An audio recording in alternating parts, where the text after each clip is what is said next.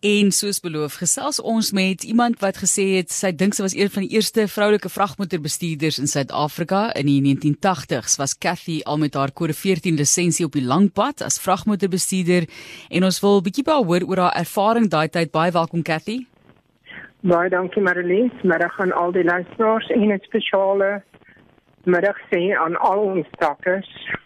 Almal op die pad, né? Nee? Ons sê baie baie welkom. Almal op die pad, almal agter die stokke.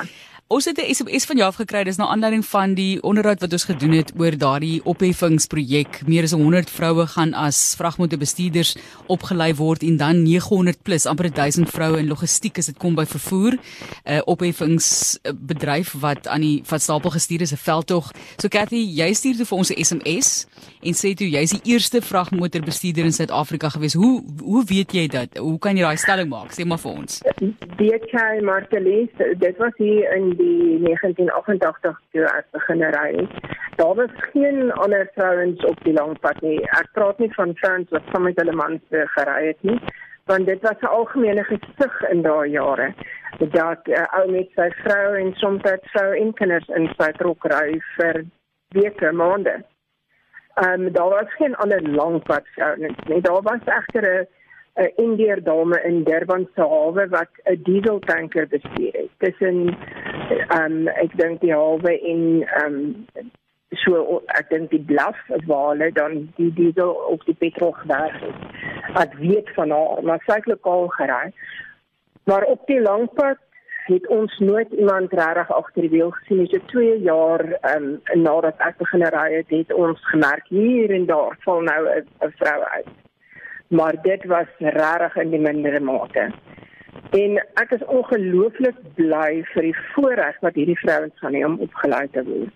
Want dis 'n ervaring wat jy met niemand, maar niemand kan deel nie. So kom ons gesels gou vinnig oor jou ervaring in daardie tyd. Hoekom het jy in die eerste plek besluit om 'n vragmotorbestuurder te word?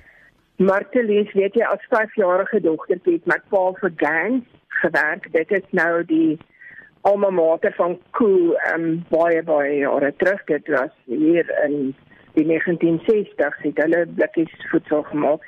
En toe het my pa so ou mesierie ons noem dit 'n bunkerneef van sy engine het uh, in die middel van die twee sitplekke in binne in die trok gesit. Hy het so boggelrig gehad. En uh, ek my pa vrugte en groente van die koue bokkeveld afgeraai gaan toe en ek het male sonder daal met hom geraak. En toe het ek al hierdie ding begine voel vir hierdie groot voertuie. En hoe ouer ek raak, hoe sterker het dit geraak. En soos ons weet, dit was 'n eksklusiewe manswêreld. Ehm um, meeste van die tyd wel daardie tyd definitief so.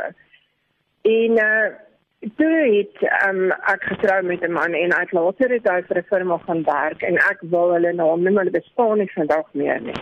Burger Transport en Citruston.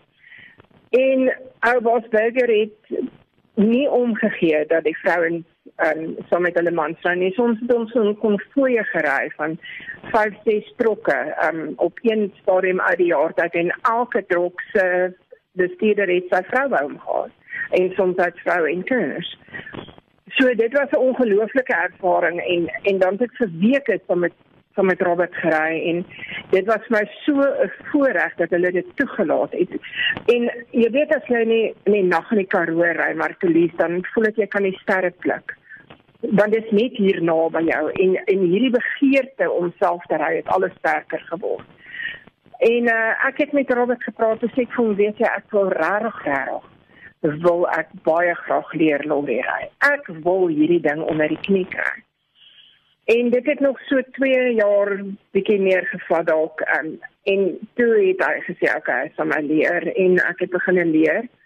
En daardie verbasing toe ek gaan vir my leerling met sens hier op verleersdorp en ek sê vir die verkeersbeampte vra vir my um, kom jy skryf ek sê vir my ja. Hy sê vir my kode 8 ek sê nee, kode 14. Hy kyk my sê hy sê vir my ek sê ek sê al kode 14 ek wil gaan trok ry. Hy skep sy kop so as hy dit in eerste, maar in elk geval uit my laat hy moes my net skryf, ek kon my nie wegwys nie, want daar was geen bed daar teen nie. En daai dag was ons agt mense daar en net twee het geslaag en een van hulle was ek.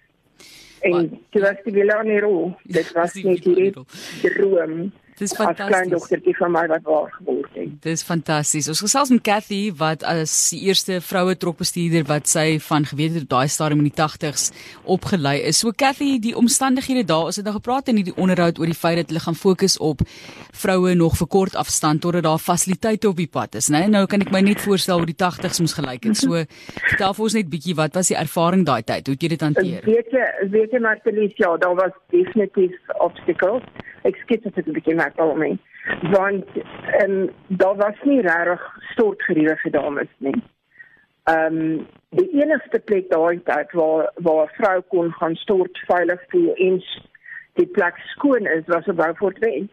Was daar een spesifieke garage wat wat dit wat wat dit gehad het een trakstop.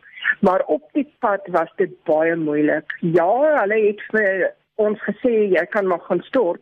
Maar dan was dit een van twee dinge. Dit was 'n um, ek skiet daar was meer as een stort. So jy kan nie regtig gaan nie want die die buitedeur kon nie sluit nie. So dit meen jy gaan in die stort staan en 'n ander man gaan 'n vreemde man gaan kan inkom. En dit was regtig 'n ding en ehm um, toe het van die ehm um, one stops later het hulle so gemaak wanneer 'n man en 'n vrou by mekaar is op 'n trok en hulle wil gaan stort, dan is die sleutel van die buitedeur vir hulle gegee. So terwyl daai twee mense daar is om te stort, kon niemand anders ingaan nie. Maar ja, dit was 'n 'n groot ding um, op die pad om regtig storte te kry en skoon storte te kry waar jy waar jy kon gaan stort as vrou. So jou hoofraad vir ons en vir vroue wat dalk hierdie beroep wil aanpak, wat sal jy sê? Ek wil vir hulle sê, ek ek wil eintlik 'n uitroep doen na die eienaars van truckstops. Maak voorsiening vir die vrouens. Daar is steeds nou vrouens wat saam met hulle mans ry. Maak voorsiening vir daai vrouens.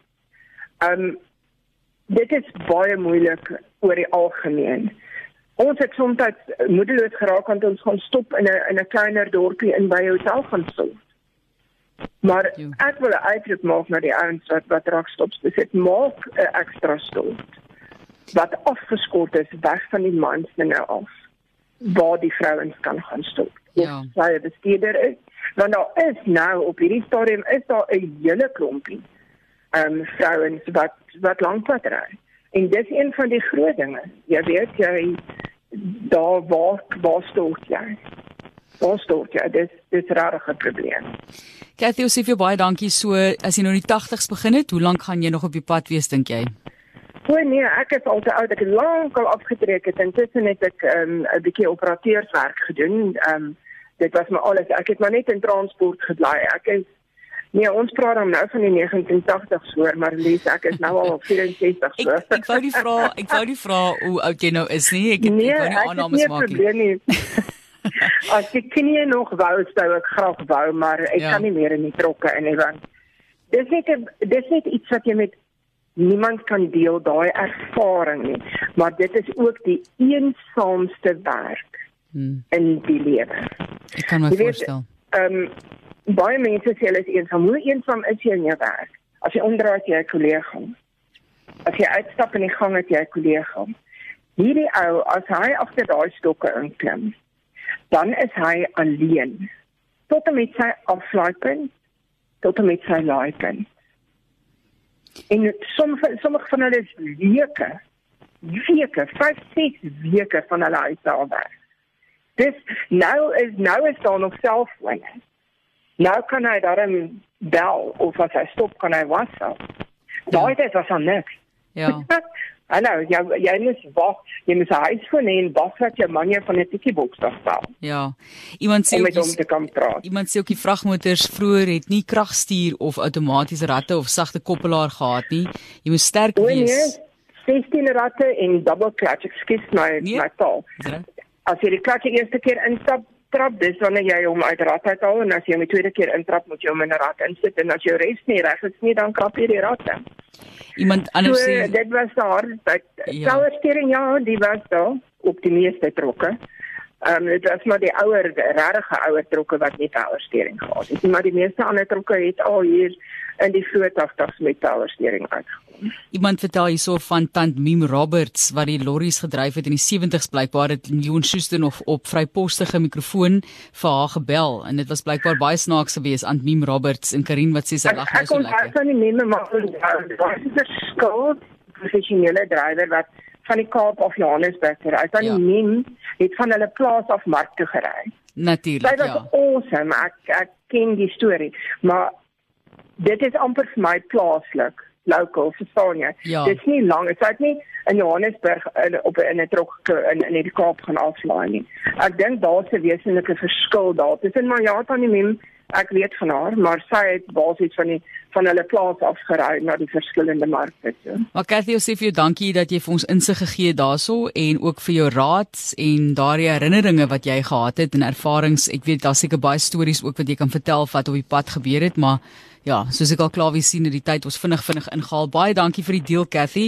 En ehm um, mag jy nog jou lewe verder geniet en mag dit so avontuur of avontuurlik is die woord nie, maar dat jy nog avontuurlustig is, né? In terme van van reis. O ja, ek kry nie die diesel uit die bloed uit nie. So ek bedryf 'n groep wat sê Truckers for Jesus wat ek op RSG so vier jaar terug bekend gestel het en Goed. nog in kontak met die manne want ek kan nie daai diesel uit jou bloed uit is baie baie moeilik om te kry. Fantasties. Maar dit is ek mag ek asseblief 'n versoek rig. Yes.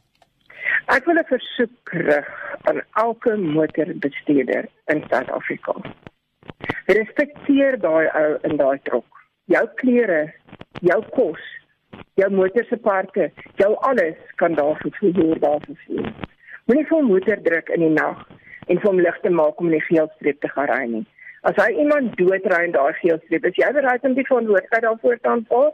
As hy 'n ongeluk veroorsaak omdat hy daar gaan ry, is jy bereid om die verantwoordelikheid daar te aanvaar? Wees geduldig met hierdie mense en moenie voor hom gaan breek trap nie.